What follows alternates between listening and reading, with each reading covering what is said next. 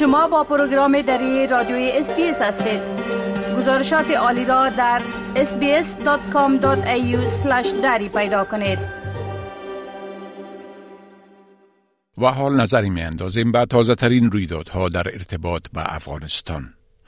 تاجیکستان ادعا کرده که افغانستان به پناهگاه تروریستان مبدل می شود. این ادعا را سراج الدین مهرالدین وزیر خارجه تاجیکستان هین ایراد بیانیه در مجمع عمومی سازمان ملل متحد در نیویورک به عمل آورد. او گفت که کشورش از تعدیدات تروریستی که از جانب افغانستان متوجهش هست نگرانی دارد.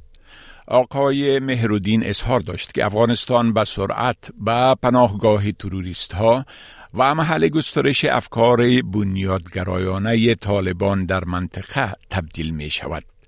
او همچنان از فعالیت های یادآوری کرد که به گفته او جنگجویان خارجی به شمول اتباع کشورهای آسیای مرکزی به منظور ایجاد یک پایگاه تشنج در نزدیک سرحد تاجکستان به شمال افغانستان انتقال داده می شوند.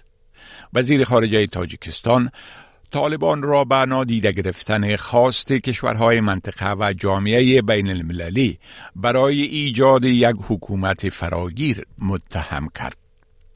اما طبق یک گزارش رادیوی آزادی زبیح الله مجاهد سخنگوی حکومت طالبان این ادعا را به اساس خوانده و گفته است که حکومت طالبان اجازه نخواهد داد که از خاک افغانستان بر ضد کشور دیگر استفاده شود. در این حال طبق گزارش صدای امریکا جبهه مقاومت ملی افغانستان به رهبری احمد مسعود در یک خبرنامه گفته که طالبان 16 گروه تروریستی خارجی را به شمال افغانستان منتقل نموده است. در خبرنامه ادعا شده که این گروه ها در دیدار با سراج الدین حقانی در مورد تقویت شبکه جنگجویان خارجی در شمال کشور صحبت کردند. در این حال فیصل بن فرهان وزیر خارجه عربستان سعودی از طالبان خواسته است که اجازه ندهند افغانستان به مرکز تروریست ها مبدل شود. طبق یک گزارش صدای امریکا آقای فرهان این تقاضا را در بیانیه در مجمع عمومی سازمان ملل متحد به عمل آورده و خواستار همکاری همه کشورها برای جلوگیری از مبدل شدن افغانستان به مرکز تروریست ها شد. قبل از این شهباز شریف صدر اعظم پاکستان هم روز جمعه در سخنرانیش در مجمع عمومی سازمان ملل متحد گفته بود که مقام های آن کشور و جامعه بین المللی از تعدید گروه های تروریستی در افغانستان نگرانند. این نگرانی در حال مطرح شده که هیئت معاونت سازمان ملل متحد در افغانستان یونما از برگزاری نشست خاص شورای امنیت این سازمان درباره افغانستان خبر داد که قرار است امروز 27 سپتامبر برگزار شود. نصیر احمد فائق سرپرست نمایندگی دائمی افغانستان در سازمان ملل متحد گفته است که به اساس تصمیمی که گرفته شده امسال هم نمایندگان افغانستان و میانمار در هفتاد و هفتمین نشست مجمع ملل متحد سخنرانی نخواهند کرد. اما او قرار است در جلسه شورای امنیت اشتراک و سخنرانی کند. ملل متحد گفته است که در مورد گزارش طالبان پیرامون کشف یک گور دستجمی در قندهار باید تحقیقات شود.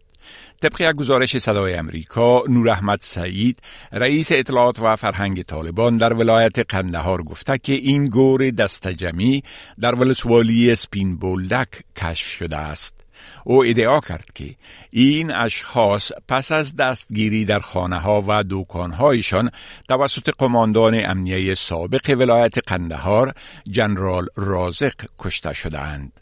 رئیس اطلاعات و فرهنگ ولایت قندهار در مورد این ادعای خود شواهد و مدارک ارائه نکرده و این ادعا به صورت مستقل هم تایید نشده است. گزارشگر خاص سازمان ملل متحد برای حقوق بشر در افغانستان در عکس العمل به کشف این گور دستجمی می گوید که بقایای اجساد کشته شده ها نباید پیش از بررسی ها آسیب بیشتر ببیند گزارش هایی که در رسانه های بین المللی نشر شده می گویند که حداقل 16 جسد در این قبر دستجمی پیدا شده.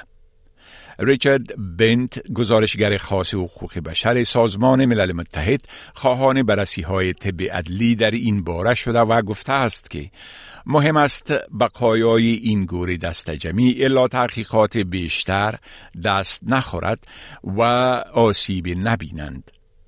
ضمنا دیدبان حقوق بشر تحقیق و بررسی همه جنایات جنگی را با میارهای جهانی تقاضا کرده است. بلال کریمی معاون سخنگوی امارت اسلامی این گور دستجمی را به هشت سال پیش نسبت می دهد و می گوید که بررسی ها در این باره ادامه دارند. او گفت باشندگان سپین بولدک کندهار در هنگام حفر چاه این گور را کشف کردند. و بالاخره پروگرام جهانی غذا اعلام کرده که 80 هزار تن گندم را به افغانستان کمک می کند. مقامات این پروگرام ملل متحد می گویند که 30 هزار تن این گندم را که از یوکراین خریداری شده در مرحله اول تا ماه نوامبر به افغانستان خواهد رساند. پروگرام جهانی غذا علاوه کرده که کاروان اولیه حامل این گندم قبلا از طریق بهیره سیاه به سوی افغانستان حرکت کرده است. طبق یک گزارش تلونیوز وحیدالله امانی سخنگوی پروگرام غذا در افغانستان گفته که پلان طوری است که این گندم از یوکراین از طریق بحیره سیاه به ترکیه منتقل و سپس در آنجا آرد می شود و بعدا به افغانستان انتقال داده می شود. بپسندید، شریک سازید و نظر دهید. SBS دری را در فیسبوک تعقیب کنید.